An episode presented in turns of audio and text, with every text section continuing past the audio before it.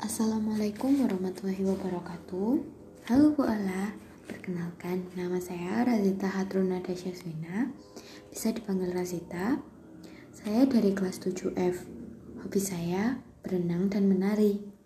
Alasan saya mengikuti ekstrakurikuler public speaking adalah supaya saya bisa menjadi pribadi yang lebih percaya diri dan tahu bagaimana caranya berbicara di depan umum dengan baik dan benar.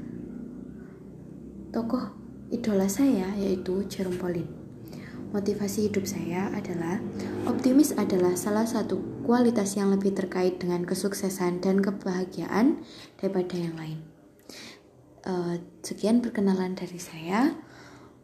Mohon bimbingannya dan bantuannya ya Bu Ola ketika saya mengikuti ekstrakurikuler public speaking.